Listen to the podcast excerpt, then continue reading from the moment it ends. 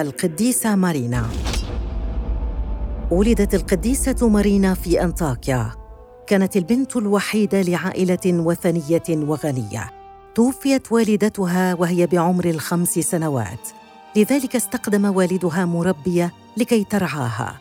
كانت هذه الأخيرة مسيحية. كان الوالد دائم الانشغال. لذا عاشت وكبرت مارينا مع المربية التي علمتها كل شيء. عن الحياة والتربية المسيحية بعيدا عن أصنام والدها.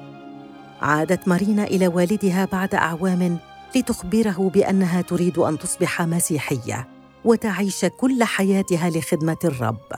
غضب الوالد كثيرا كونه كان كاهنا وثنيا وطلب من مارينا نكران إيمانها فورا وإلا فسيتبرأ منها. لكن في يوم من الأيام رأى حاكم المدينة مارينا وأعجب بجمالها جدا فقرر الزواج بها. اقترب منها وهي في طريقها إلى المنزل مع المربيه وسألها عن اسمها.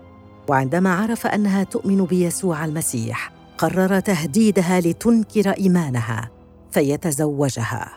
حاول بشتى الطرق منها التعذيب ومنها الترهيب.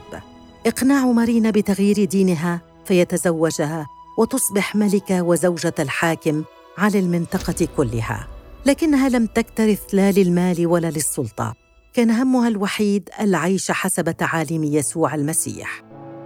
انزعج الحاكم كثيرا من ردة فعل مارينا فأمر الحراس بسجنها وتعذيبها حتى تنكر إيمانها.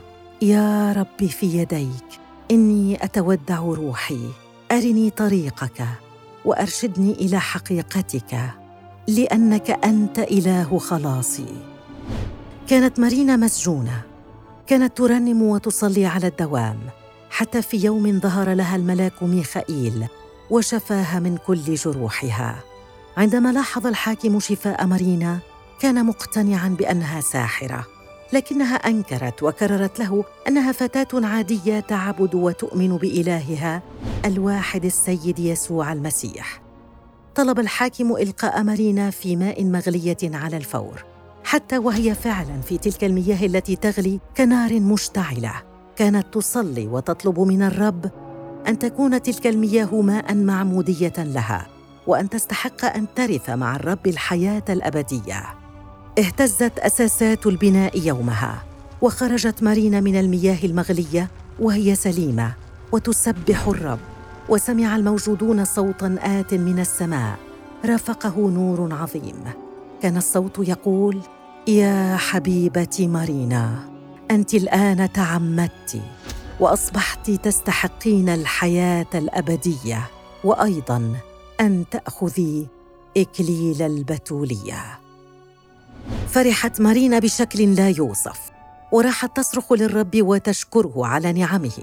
وتستغرب كيف ظهر لها هي وكيف تستحق أن تشارك الرب الملكوت والحياة الأبدية في السماء. رأى الجموع كل ما حصل. أعلنوا إيمانهم. تعمدوا وأصبحوا مسيحيين. راحوا يعلنون انتماءهم للدين المسيحي ويسبحون الرب والسيد المسيح. أمر الحاكم أن يقتل كل من آمن. وبالفعل حصل. فنالوا جميعهم إكليل الشهادة. ولأنه لم يتمكن من تغيير إيمانها حكم عليها بالموت فاستشهدت القديسة مارينا وهي بعمر الخامسة عشرة من عمرها فقط.